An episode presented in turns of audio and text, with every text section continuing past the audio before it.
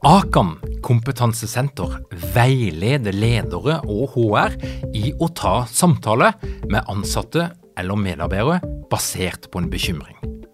Akan setter ledere og medarbeidere i stand til å forebygge og håndtere en problematisk bruk av alkohol, narkotika, legemidler, spill eller doping blant ansatte. Ønsker du å lære mer om god forebygging og gjennomføring av samtale med en som du er bekymra for?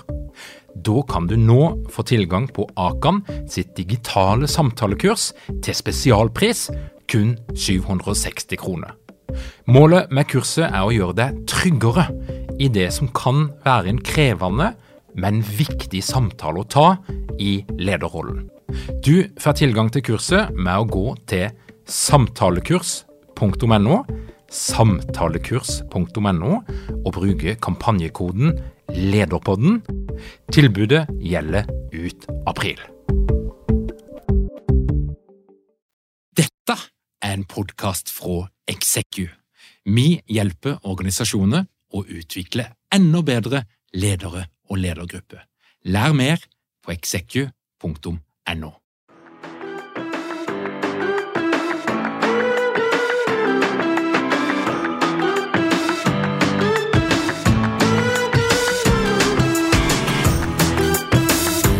Velkommen til Lederpodden.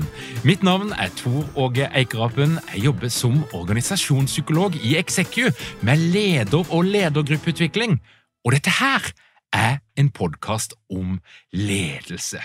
I alle våre lederutviklingsprogrammer så jobber vi med selvinnsikt.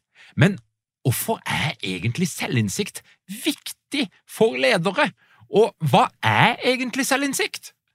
Og så lurer jeg òg på hva er forskjellen på et mestringsklima og et prestasjonsklima på en arbeidsplass, og hvordan påvirker det turnover? Jeg har lyst til å finne ut alt dette her, og førsteamanuensis Karoline Hofstedt Kopperud fra BI har svaret. Hun har nemlig forska på alt dette her, og mer til, og i dag skal jeg prøve å få full tilgang på alt hun har lært. Men først skal du få et par ord fra Ellen Holt, tidligere deltaker på lederprogrammet, som i dag jobber som leder i Sveko. Ellen, var det verdt det? Ja, det er skikkelig kult, faktisk. For den følelsen sitter jeg Det er så tydelig for meg at det her angrer jeg ikke én krone på. Så jeg kjørte jo full pakke. Ambisiøs og personlighetstest og alle moduler. Og jeg har hatt så god nytte av det. Jeg jobber jo med mennesker, masse mennesker. For jeg jobber også parallelt i mange prosjekter og dealer mye med mellommenneskelige ting og tang. Så jeg har fått veldig mye av lederprogrammet i form av konkrete verktøy. Og jeg satte også veldig pris på de breakout roomsene, hvor jeg fikk på en måte kjørt meg litt da, i kleine situasjoner med andre. Hvor man også får For det første så får du brukt den kunnskapen du akkurat har fått tilegna deg, i praksis med andre, og så får du tilbakemelding med en gang. Litt sånn Kan kanskje ordlegge deg annerledes, eller hvordan, hva tenker du om hvordan mottakeren tok dette? og det har vært så gull, for du har fått trent deg. Jeg har også tatt fram liksom kleine situasjoner som jeg ikke har villet snakke om. Og så har jeg tatt det da i breakout rooms og i læringsgruppe. Så jeg har virkelig lært mye om det. Og for min del så handla det jo også om å få en litt kunnskapsgrunnvoll da, for ledelsesfaget. Og jeg har fått nyvunnen respekt for at ledelse faktisk er et fag. At det er veldig mange ferdigheter som man kan lære seg. Og som vi har hørt også fram til nå, at det altså er veldig viktig å øve. Så jeg, jeg, har fått masse å øve på, og jeg får praktisert det med en gang. Det har vært så deilig. Velkommen til Lederpodden, Karoline. Jo, tusen takk for det. Du, du, gjør masse forskjellig spennende forskning som er ekstremt relevant for alle som er interessert i ledelse. Men hva er det egentlig som er greia di? Hva er din faglige lidenskap? Ja, Det er et godt spørsmål. Det kan jo virke litt sånn spredt av og til med masse forskjellige temaer, da, som du er inne på. Jeg er nok litt svak Altså, jeg lar meg veldig lett engasjere. Jeg tror det er det som kanskje kan være min utfordring. så jeg eh, syns jo det er veldig mange forskjellige temaer som jeg, eh, som jeg vet er viktig for organisasjoner, og som jeg syns er utrolig spennende å holde på med. Men eh, hvis jeg skal prøve å liksom samle dette her da, under en slags paraply, så er jo mitt utgangspunkt og min hovedinteresse det er arbeidsglede. Eh, jeg er utrolig interessert i forskning på lykke og forskning på eh, glede, og, og liker veldig godt denne linken over i arbeidslivet. Eh, og det er rett og slett fordi at Hvis vi tenker på hvor mange timer vi er på jobb i løpet av et år, så kommer vi opp et ganske stort antall. Vi har eh, kanskje 40 timer i uken på jobb, og så jobber vi kanskje eh, ja, la oss si 47 uker i året, noe sånt noe i den duren der. Så begynner vi å komme oss opp i noen eh, ja, 1800 pluss timer, et eller annet sånt noe. Eh, og da tenker jeg at eh, når du er så mange timer et sted, så er det selvfølgelig utrolig viktig at det stedet er et bra sted å være, og et sted hvor du faktisk opplever mye glede. Og allerede der så, så, begynner jeg nå å vike fra det jeg hadde planlagt å snakke om, for nå ble jeg så nysgjerrig. Kan ikke du forklare forskjellen på autonomisk og hedonistisk lykke, og hvordan det relaterer seg til en arbeidsplass og en arbeidsglede? ja, ja det, er, det, er, et ganske stort spørsmål, akkurat det der. Men jeg skal, jeg skal prøve å forenkle litt, og så gjøre det litt sånn kortfattet, da. Men eh, temaet lykke, altså hva som gjør mennesker lykkelig, er jo noe som uh, uh, har vært et aktuelt spørsmål siden eh, antikkens Hellas. ikke sant? Og, eh, og, og, vi har skrifter fra Aristoteles som handler om dette her, hvordan skal man leve gode liv osv. Så, videre. så det, dette er et eldgammelt tema. Og, sånn, og, det stammer jo fra filosofien, ikke sant. Og i oversatte psykologi, som jo på en måte er mitt fagfelt, så, eh, så har man gjerne eh, sett på lykken som bestående av to ulike sånne grovkategorier. Da. Det er egentlig en litt sånn misforstått tolkning av utgangspunktet som er filosofi, men, men det, det, blir sånn der, det, blir en forelesning som jeg kanskje ikke er kompetent nok til å holde heller, så det, det får bare la ligge. Men, men, men, det er en slags misforståelse der. Men, likevel, samme det. I psykologien så har man tenkt at eh, lykken på en måte kan grovdeles inn i det vi kaller hedonisk lykke. Eh, og det vi kaller eudaimonisk lykke. Eh, og Forskjellen mellom de handler om aktiveringsnivå i all hovedsak. da. Hvor eh, hedonisk lykke det handler om velbehag, at du eh, kan nyte, at du har et lavt eh, aktiveringsnivå. altså du, du, er ikke så engasjert eller, eller aktiv på en måte mentalt. Mens eh, lykke det handler om følelser som engasjement, ikke sant? at du opplever interesse, utfordring. Det er fortsatt positive følelser, men det innebærer en mye større grad av aktivering. Og I arbeidslivssammenheng så kan vi kanskje prøve å oversette dette til typ jobbtilfredshet som en mer sånn eudaimonisk eh, tilstand, og jobbtilfredshet som en mer sånn hedonisk eh, tilstand, mens jobbengasjement som en mer sånn eudaimonisk tilstand. Og Dette er viktige skiller, fordi at eh, vi ser det at eh, ulike følelser de påvirker atferden vår ulikt. Sånn at eh, Når vi sitter med en følelse, så vil vi oppføre oss forskjellig, avhengig av hva den følelsen er. Og Det høres kanskje litt sånn snålt ut, men, men, det er ikke så veldig pussig hvis du tenker på når du er sint. Når du kjenner på sinnet, så vil du typisk kanskje da slå i bordet liksom brøle og, og, og, kjefte og smelle. ikke sant? Mens når du er glad, så vil du typisk le og smile. Sånn at det, det, er ikke så veldig rart egentlig, selv om det kan høres litt pussig ut, at følelser faktisk påvirker hva vi gjør. Eh, og når det gjelder de positive følelsene, så ser vi at engasjement for eksempel, og tilfredshet eh, påvirker hva vi gjør litt ulikt. Sånn at eh, når vi opplever engasjement, så blir vi mer dedikerte mot målsetning. Vi blir mer fokusert på det vi holder på med. Mens når vi opplever tilfredshet, så bygger vi kanskje mer sosiale relasjoner, vi senker skuldrene, vi kanskje feirer en suksess, eller, eller vi er mer avslappet og tenker mer kreativt, da, f.eks. Så, så disse ulike formene for arbeidsglede påvirker hva vi gjør ulikt. og Derfor er det kanskje en idé å ha litt innsikt i, i hva det er for noe. da. Eh, og så er det jo en link her, faktisk. For, det oppdaga jo etter hvert som vi nå snakker om det, at eh, det er en link mellom uh, ulike former for lykke og mestringsbegrepet og prestasjonsbegrepet og selvinnsikt. For det å jobbe med selvinnsikt kan jo bidra til mestring, tenker jeg. Mm. Og, det vel, og, og, kan vel òg kanskje knyttes litt til, til, en form for autonomisk lykke. Altså ja. det å, å, utvikle deg sjøl, bli kjent med deg sjøl i en arbeidslivskontekst. Mm.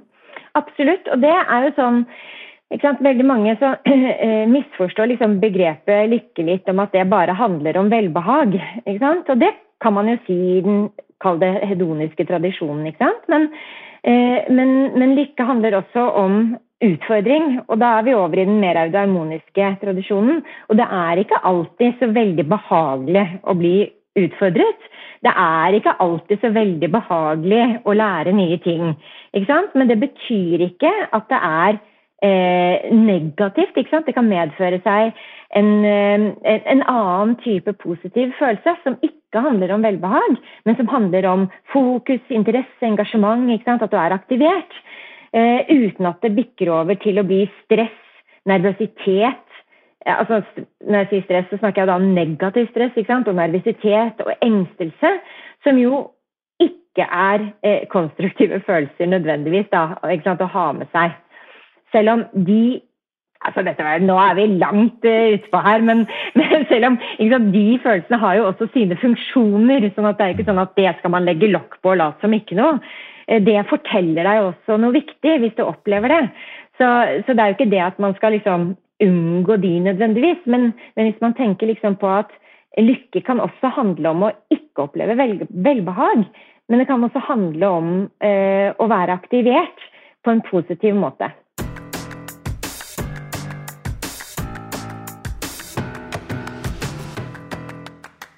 Jeg har jo en slide eh, som vi bruker på alle våre lederutviklingsprogram, med bilder av deg på, og en artikkel fra 2012 fra forskning.no, der du forteller at mye forskning indikerer at ledere flest de har ikke så veldig god selvinnsikt. ja, altså Ja, det var ja, OK. En, uh, jeg skal forklare litt rundt det. det var heftig påstand, kanskje. Men uh, det, det, den saken der er basert på en, en, en, forskningsartikkel som jeg gjorde sammen med Øyvind Martinsen og, og Sutti Wong. hvor vi så på hvordan ledere da, sant, kan skape engasjement. Vi var opptatt av arbeidsglede, og i den sammenhengen var vi opptatt av opplevelse av engasjement. Eh, og så så vi litt på hvordan eh, ja, altså mer sånn det man tradisjonelt sett har tenkt på som, som god ledelse. Eh, I fagspråket så kaller man det transformasjonsledelse. ikke sant? At man viser individuell omsorg for folk og eh, kanskje er litt karismatisk og utfordrer litt og ja, ikke sant? Så en del gode lederatferder. da. Eh, og hvordan det på en måte kunne stimulere til økt engasjement hos medarbeidere. Eh, men så fant vi det at den sammenhengen der da, er egentlig betinget av leders selvinnsikt. Det betyr eh, at eh, hvis ikke leder og medarbeider er enige om leders lederstil, så er det en indikasjon på manglende selvinnsikt. Altså, det er ikke enstydende med manglende selvinnsikt, men, men, det er en indikasjon på at det er noe som skurrer. da, ikke sant? Sånn at Hvis du som leder f.eks. tenker at jeg er jo en veldig god leder. Jeg har gått på masse lederutviklingsprogram eh, og lært meg masse kule saker som jeg praktiserer masse i min arbeidshverdag som leder. Da, og så har du medarbeidere som på den andre siden sitter og tenker på at ja vel, når da? I hvilken setting gjør du det? Sånn at de kanskje ikke helt er med på din egen vurdering. Da, da tenker vi at her, her, er det jo et eller annet som har skjedd. og det Eh, er i tidligere forskning de der uenighetene mellom ledere og medarbeidere da, har man tidligere tatt som eh, indikasjon på manglende selvinnsikt hos leder. ikke sant? Det er selvfølgelig mange andre ting som kan forklare dette også, men det er i hvert fall en indikasjon på noe som skurrer. Eh, og det vi jo da ser, er at de lederne som tenderer mot å overvurdere sin egen lederprestasjon, altså de som tenker at ja, jeg, jeg utøver masse av denne positive lederatferden, og som da samtidig har medarbeidere som tenker nei, det gjør du ikke, satt på spissen, ikke sant? Eh, de får ikke til å engasjere eh, medarbeiderne sine ved å utøve positiv lederatferd. ikke sant? For å få til det, så må man være enig. Altså, da må medarbeideren din si at ja, jeg er helt enig, det ser jeg masse av. ikke sant? Eh, den atferden der hos deg. Og i vårt forskningsstudie, det, det skiller seg litt fra mye annen forskning, men i vår studie så fant vi at også de lederne som undervurderer seg, altså de som tenker at nei, jeg vet ikke om jeg får dette til, og rangerer seg lavere da, på disse positive lederatferdene, men har medarbeidere som rangerer dem høyt, de vil også virke engasjerende da. Og det er litt sånn pussige funn og ikke stemmer, stemmer, ikke helt overens med resten av litteraturen, så det kan jo være tilfeldig. Og det kan skyldes at eh, denne forskningen vi har gjort, er utført da i norsk sammenheng. Så det kan jo være noe kulturelt her. ikke sant? Vi har jo litt sånn Vi liker jo de som er ydmyke her i Norge. så det kan jo hende at det er noen sammenheng der, da. Og så var det dette her med at liksom som du sa, da, at eh, ledere flest har dårlig selvinnsikt. Det, det, tror jeg ikke jeg skal påstå. Men vi ser jo at det ikke er så uvanlig eh, at det er en uoverensstemmelse mellom leders egenvurdering og medarbeideres vurdering. Eh, men det finner vi egentlig ofte i litteraturen, også når vi ser på f.eks. prestasjoner. At det er ikke alltid det er så god sammenheng da, mellom egenvurdering og andres vurdering av en selv. Da. Og så er det sånn, det, Dette med ledere flest det var sånn, en studie, en sånn oppsummeringsstudie som ble gjort av noen forskere med en kar som heter ja, Hva heter han til fornavn? da? Flinor heter han i hvert fall til etternavn. da. Hvor de så på liksom, hva er det som påvirker selvinnsikt. Og da var det liksom sånn Konklusjonen var jo egentlig det at eh, jo høyere opp i et hierarki, et organisasjonshierarki du kommer, desto lavere selvinnsikt har du da. ikke sant? Og det kan jo hende at ledere mister jo muligheten til hyppig tilbakemelding fra omgivelsene, sammenlignet med en som er relativt nyansatt. Som hele tiden får tilbakemeldinger. Så det kan jo være noe sånt. Da. Men det var vel derfra, derfra den der voldsomme påstanden kom. Ja. Popularisert, kanskje. Men vi liker det veldig godt, for det, for det, gir oss jo kjempelegitimitet til å jobbe med selvinnsikt. Eh, og, og, det jeg tror det det sto, var jo at tidligere forskning påviste at det var så lite som 4-6% sammenheng mellom hvordan ledere vurderte seg sjøl, og hvordan de ble vurdert av sine medarbeidere når det gjaldt positiv lederatferd. Mm, ja da, det er eh, litt skremmende eh, liten sammenheng det er riktig, det. Ja. men, men, men, men hva, hva, er selvinnsikt for noe, egentlig? Hva, hva, hva, betyr det for noe? Ja, det er et veldig godt spørsmål. Og det avhenger nok litt grann, altså hva slags vinkling man har på det. avhenger jo selvfølgelig også av hva slags på en måte, faghatt du har på deg. da. Mm. Så eh, en fra én fagtradisjon vil kanskje definere det noe annerledes fra en annen fagtradisjon. Men fra mitt ståsted så handler jo selvinnsikt om din egen evne til å forstå hvordan du virker på andre. Ikke sant? Til å forstå hvordan andre oppfatter deg. Eh, det betyr ikke at du må forstå det hele tiden, eller eh, forstå det umiddelbart i enhver kontekst. Men det handler om at du evner til å reflektere over det. Eh? At du f.eks.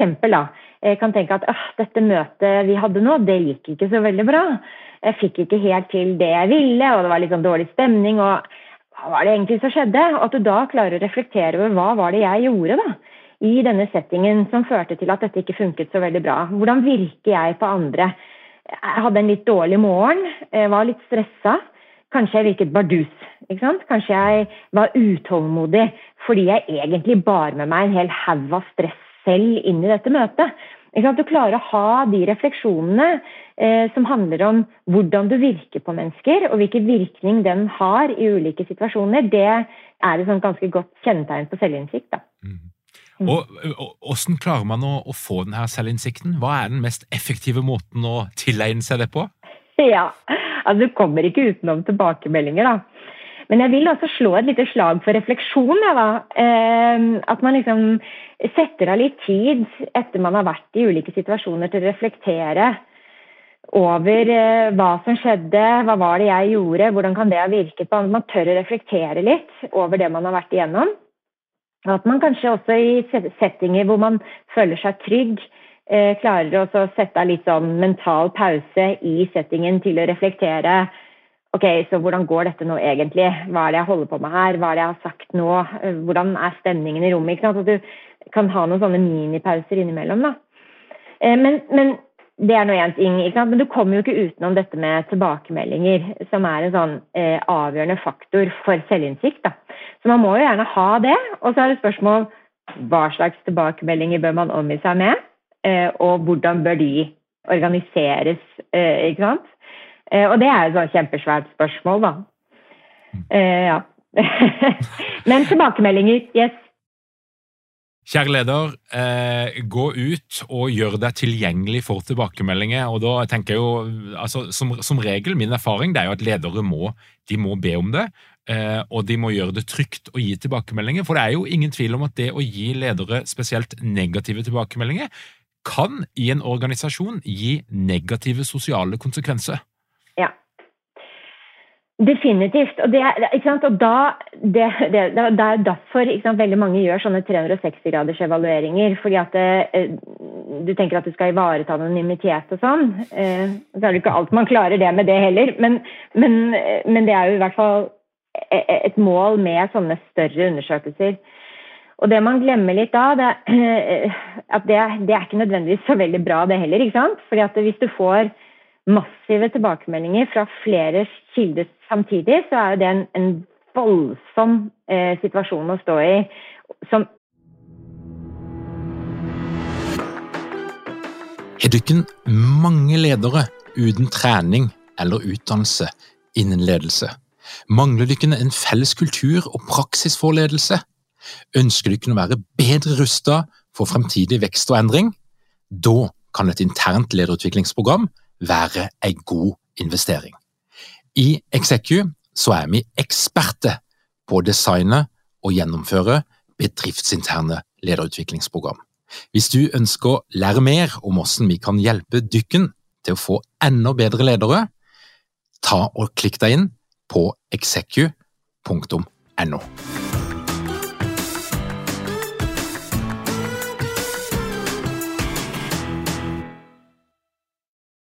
ikke nødvendigvis fører med seg noe som helst positivt. Eh, man har f.eks. funnet at eh, å få massiv tilbake, negativ tilbakemelding fra flere kilder samtidig vil stimulere samme nervebanene i hjernen som ved fysisk smerte. Eh, det finnes forskning som viser at hvis du får negativ tilbakemelding etter utførte arbeidsoppgaver, f.eks. får beskjed om at dette gjorde feil, dette gjorde feil, dette gjorde feil, så hindrer det læring ved neste gjennomføring, ved at du eh, får en økt grad av selvforsvar. ikke sant? Eh, så, så dette med liksom massive negative tilbakemeldinger, det, det, er kanskje ikke en sånn kjempegod idé, det heller.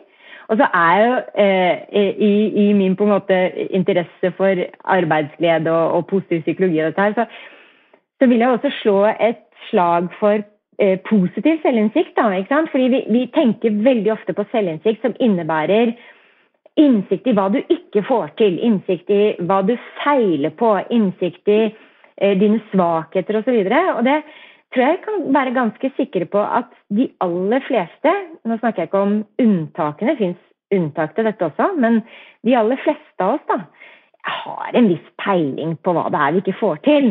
Og, og, det å feile i en situasjon, det er jo forferdelig smertefullt. ikke sant?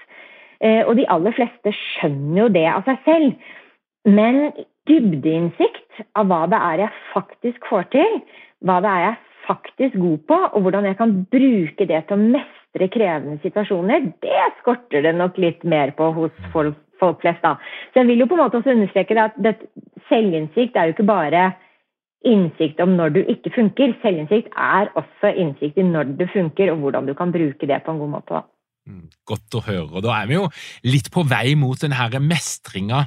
Eh, for, for eh, hvis en følger litt med, så til tider så har det vært noe som ligner litt på en debatt, og så er jeg litt usikker på om det er en fiktiv eh, debatt eller en fiktiv konflikt. men hvis du er i lederutviklingsbransjen, så kan det se ut som at det er to leire. Det er den gjengen som kommer fra idretten. Olympiatroppen, tidligere idrettsutøvere som stender på scenen og snakker om prestasjoner og magiske greier. som ikke alltid er like relevant for et arbeidsmiljø som er en helt annen setting enn den du har som toppidrettsutøver. Og så er det noen akademikere, blant annet noen av dine kollegaer, som har vært eh, fronta at det her er noen motsetninger da, mellom prestasjon og mestring, og at det er to forskjellige tilnærminger. Og der den ene er kanskje mer hensiktsmessig enn den andre. Men, mm. men forklar litt, hva, hva, hva, er det som ligger i de her to begrepene? Prestasjon og mestring og eh, et klima på arbeidsplassen som da heller i den ene eller andre retninga? Ja, altså En av mine veldig dyktige medforfattere, da, Kristina Nerstad, som du nå sikkert da også refererer til, hun har jo gjort et ganske formidabelt arbeid på akkurat dette. Og Hun beskriver mestringsklima og så vidt jeg forstår henne rett altså på, på, engelsk så snakker man jo om performance climate og mastery climate. ikke sant? Men oversatt til norsk så blir det litt sånn vanskelig, fordi vi tenker jo også på prestasjonsklima som noe positivt. Så Kristina hun, hun, er ganske opptatt av at vi snakker om eh, mestringsklima og rivaliseringsklima. For det favner litt mer opp hva som egentlig ligger i dette prestasjonsklimaet, eller rivaliseringsklimaet. Så det hun beskriver, er at eh, på jobb så, så, eh, så, eksisterer det et klima for hvordan man definerer suksess. Da. Altså hva skal til for å lykkes her. Hos oss og på den ene siden så kan man jo da tenke at eh, nei, hos oss så lykkes du hvis du er bedre enn kollegaene dine. Eh, hvis du jobber hardere og mer enn kollegaene dine, og hvis enderesultatet ditt er godt, og hvis det hele tiden ligger eh, på et bedre nivå enn dine kollegaer. Det er det hun kaller rivaliseringsklima. Men på den andre siden, mestringsklima, beskriver hun som et klima der um, man eh, belønnes for å samarbeide med andre. Der læring og utvikling belønnes, sånn at du sammenlignes ikke med andres prestasjoner, men du sammenlignes med dine egne tidligere prestasjoner. Og hvor man liksom har også takhøyde og rom for å feile, og da, når man feiler, så bruker man det til innspill for å lære videre. ikke sant? Så i, i, i, motsetning til da hele tiden måtte liksom konkurrere med dine nærmeste kollegaer, så samarbeider du med dine nærmeste kollegaer for å mestre og lære mer. Sånn, ja, sånn grovsortert, da, egentlig. Mm. Ja. Og så er det sånn at man kan jo ha altså De aller fleste arbeidsplasser har jo litt av begge deler. ikke sant? Og så er vel denne forskningen som Kristina har gjennomført, viser vel det at de organisasjonene som har mer av mestringsklima er ofte organisasjoner som også har en del positive eh, utfall for de menneskene som jobber i organisasjonen, men, men også for organisasjonen i seg selv. Men, men, er det en sånn stråmannsgreie, eller stemmer det at det er et fagmiljø som mener at det er prestasjonsorientert klima er det beste? Ja, altså du var inne på idrett, da, ikke sant? Og det, noen ganger så er idrett veldig eh, sammenlignbart, og andre ganger ikke i det hele tatt. Men eh, det er jo ikke bare et prestasjonsfokus i idrett heller. Tenk på Nils Arne Eggen da, ikke sant? og Godfoten og spill hverandre god. Og, ikke sant? Det var jo en sånn enorm suksessfaktor for Rosenborg i sin tid. Eh, og jeg er helt sikker på at det finnes mange andre gode eksempler eh, på, eh, på, idrett hvor man har brukt den tilnærmingen, som jo handler om mestringsklima, se hverandres styrker, ha respekt for hverandres eh, særegenheter og kompetanse for å få til et samlet utfall. Men så har du også de idrettsgrenene som handler om individuell idrett. Og da kommer det jo eh, andre aspekter inn, for da konkurrerer du jo faktisk mot en annen. Det er deg mot en annen. Det er ikke så ofte man har det 100 i et arbeidsliv. Du kan ha ting som ligner litt, men kanskje ikke så satt på spissen som det, da.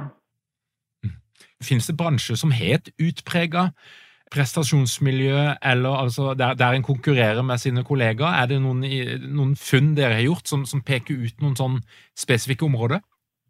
Nei, altså eh, du kan jo fort vekk snuble over i å tenke at ja, sånn, sånn finansbransjen, der er det masse sånn konkurranse mellom medarbeiderne da, ikke sant? Men eh, eh, en av våre studier eh, hvor vi har sett på dette her med turnover og eh, mestringsklima versus rivaliseringsklima, så ser vi jo det at eh, også i den bransjen så har det en positiv sammenheng mellom mestringsklima og redusert turnover. Da, at du, du, ønsker ikke å slutte i jobben din like sterkt hvis du opplever en økt grad av mestringsklima. Men hvis du opplever en økt grad av eh, rivaliseringsklima, så øker intensjonen om å ønske å slutte i jobben sin. Sånn at, og, og, så vidt jeg forstår den andre annen forskning da, som er på motivasjonsklima og dette her, så, så er tendensene like på tvers av bransjer. Da, Man ser at ja, man kan ha både et rivaliseringsklima og et mestringsklima i en organisasjon, men har du mer av et mestringsklima, så faller det ofte positivt ut. da. Det er selvfølgelig ubesvarte spørsmål i, i, i, de, i, dette feltet også, som i alle andre felt, men, men det er det vi finner i vår eh, forskning. Og, eh, og, jeg tenker jo at eh, eh, mennesker er jo mennesker uansett hvor vi er, og vi, vi, trenger og vi har et grunnleggende behov for å føle oss trygge og som en del av en gruppe. Eh, så det å liksom sørge for klimaet som, som ivaretar det behovet, er jo aldri en dårlig idé, tenker jeg da.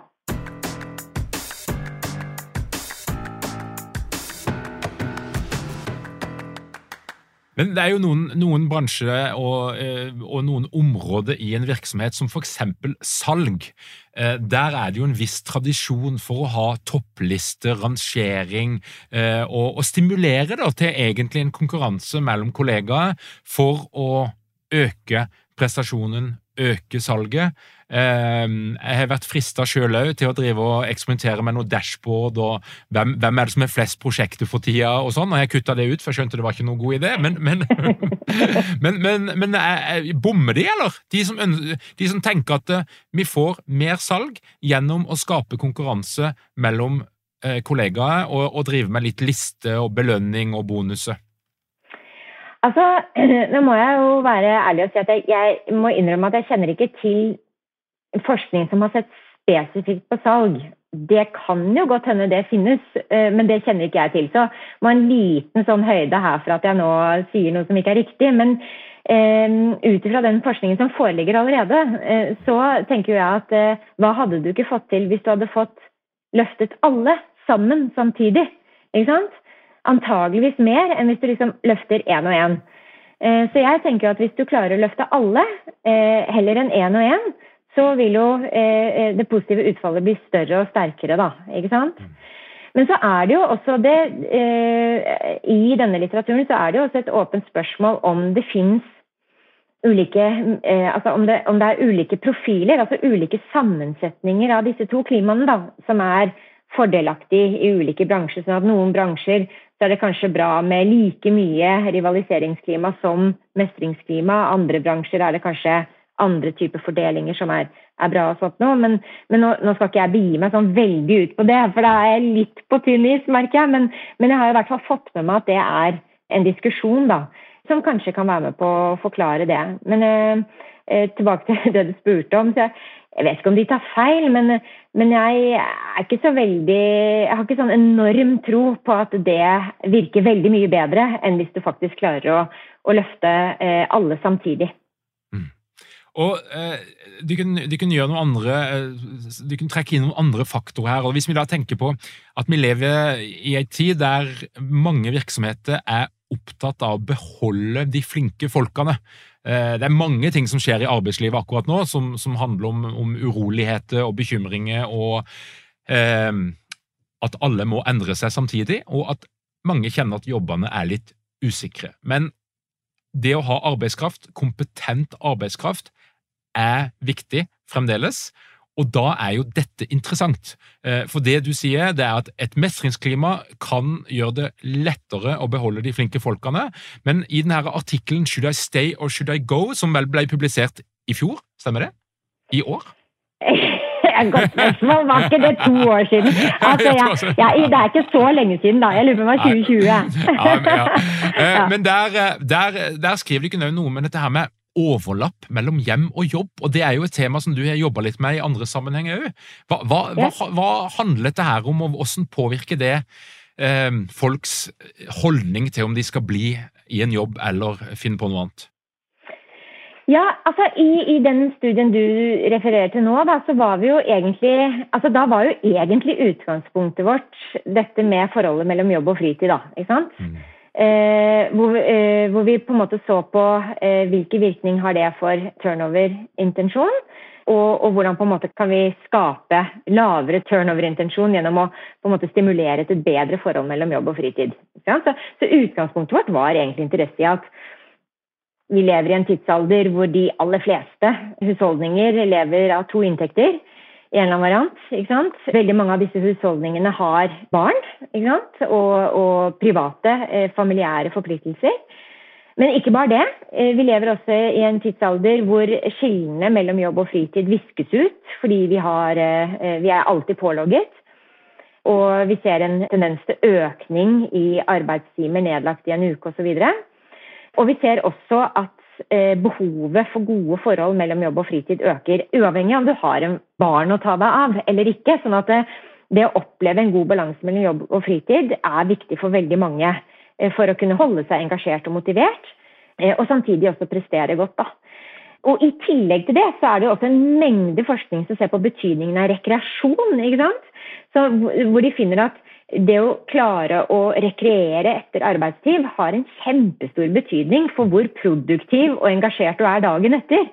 Så, så, så dette, er, dette, er, et stort og viktig eh, tema for å bevare et arbeidsliv som er godt å leve i, og som også bevarer arbeidsglede, men også da prestasjoner, og som får folk til å bli værende i jobbene sine. Fordi Har du en hel haug som slutter hele tiden, så koster det masse penger for en organisasjon. Du vil jo ikke ha det, du vil jo beholde talentet ditt, som du sier da. ikke sant?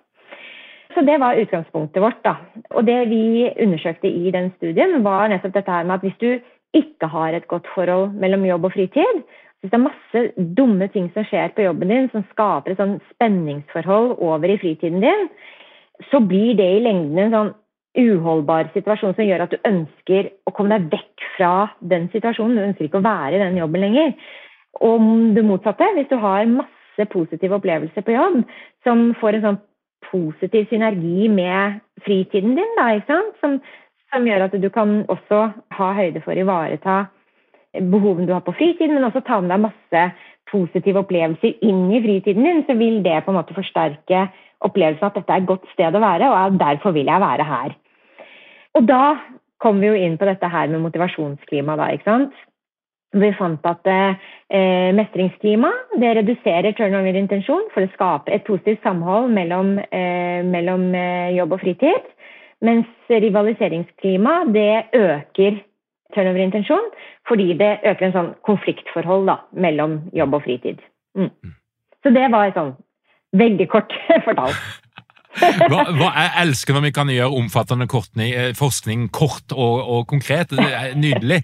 Men, men, hva er det ledere kan gjøre for å redusere rivalisering og fremme eh, mestring i et arbeidsmiljø?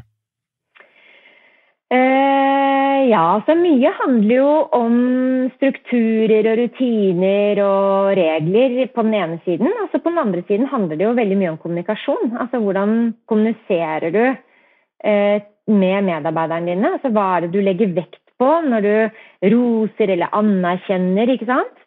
Er det liksom at du Å, nå har du gjort en kjempebra jobb, og det var mye bedre enn kollega X og Y, ikke sant?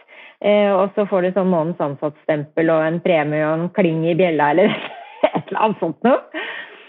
Mens det går jo også an å fokusere på eh, mestring. Du ser at folk har lagt ned mye jobb i en arbeidsoppgave, at du roser innsatsen. At du uh, roser og anerkjenner uh, samarbeidet som har forekommet. ikke sant? Så, så, en som på en måte legger til rette for et mestringsklima, vil både gi utfordrende arbeids arbeidsoppgaver, altså ting du kan bryne deg på, vokse på og utvikle deg på. Og så vil den lederen også anerkjenne innsatsen, selv om det skulle føre til at noe faktisk ikke gikk. Da. At du kanskje du feilet underveis, eller kanskje du faktisk feilet med hele enderesultatet, men at du får eh, bli sett for den innsatsen du faktisk har lagt ned da, i, i, arbeidet, og at du har samarbeidet godt med andre. Så det handler i stor grad om hvordan vi snakker sammen, egentlig. Mm.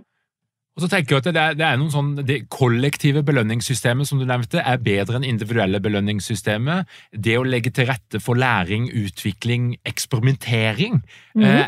eh, tenker jeg òg er noe som vil bidra til økt mestring. Helt klart. Og rom for å feile. Mm. som jo henger sammen med psykologisk trygghet og så mange fine ting som vi vil ha for å skape arbeidsglede. Ja, Karoline, det, ja, det er jo, jeg kjenner jo at eh, vi, vi, vi må nok ta et treff igjen, for du har forska på så vanvittig mye spennende. Og et tema som vi ikke får snakka om nå, men som vi gjerne må følge opp i en ny episode, det er jo em, det vi gjør veldig mye av for tida, som er å jobbe remote og, og alt dette her. Vi blir jo ikke helt ferdig med det, selv om covid er slutt, så, så er dette her et tema som, som trenger stadig mer påfyll av kunnskap. Mm. Men, men er det noe du har lyst til å melde ut til våre lyttere her og nå, som jeg ikke har spurt om? ja, altså vi var jo Ja, ja, altså. Nå skal ikke jeg lire av meg med sånne gode eller dårlige råd, men eh, vi var jo så vidt innom det. Jeg har lyst til å understreke det litt. Vi, eh, det kunne vi også pratet veldig mye mer om. ikke sant? Dette her med eh, selvinnsikt på når det fungerer godt. Jeg har lyst til å utfordre litt på det der. Jeg har lyst til å fortelle bare veldig kort, hvis vi har tid, eh, om en kjempespennende studie som ble publisert i 2019, eh, hvor de trenet ledere i positiv selvrefleksjon. Eh, og det er en ganske enkel øvelse. Det handler om å hver dag sette seg ned og reflektere over hva er det du er stolt av som du har fått til som leder. Hva er det som gjør deg til en god leder? Og bruke litt tid på det, og la deg få lov til å være i det lite grann. Og den studien som ble publisert, de fant at de som gjorde det, de opplevde mindre utmattelse og mer energi over tid. Og de undersøkte også dette også hos medarbeidere, men, men det de fant var at denne virkningen var særlig sterk hos ledere. Så jeg har lyst til å bare sende det videre som en sånn oppfordring til å av og til tørre å sette seg ned og tenke litt gjennom hvorfor funker jeg i min rolle? Hva er det jeg gjør som er bra? Det kan gi mye godt med seg. Takk, Karoline. Jeg skal love deg at i alle våre programmer så kommer det altså nå allerede i neste uke. Dette her blir innsjekkspørsmålet nummer én. Hva er du stolt av å ha fått til som leder den siste uka eller den siste måneden? Ja, så bra. Kjempebra. Karoline, tusen hjertelig takk for at du tok deg tida til å bli med på Lederpodden. Jeg gleder meg allerede til å snakke mer med deg litt seinere om hjemmekontor og uh, koble dette her sammen. Men tusen takk. Tusen takk for meg. Veldig hyggelig å være med. Til deg som hører på, hvis du er nysgjerrig på alt som skjer i vårt lederunivers, da kommer du deg inn på lederpodden.no. Du trykker på den rette knappen, og du legger igjen din e-post, og da vil du få vårt ferske nyhetsbrev i din innboks hver eneste fredag. Denne episoden er skrudd sammen av Emil Kulsvedhagen. Kjære lytter, takk for at du hører på Lederpodden. Vi høres igjen om ei uke.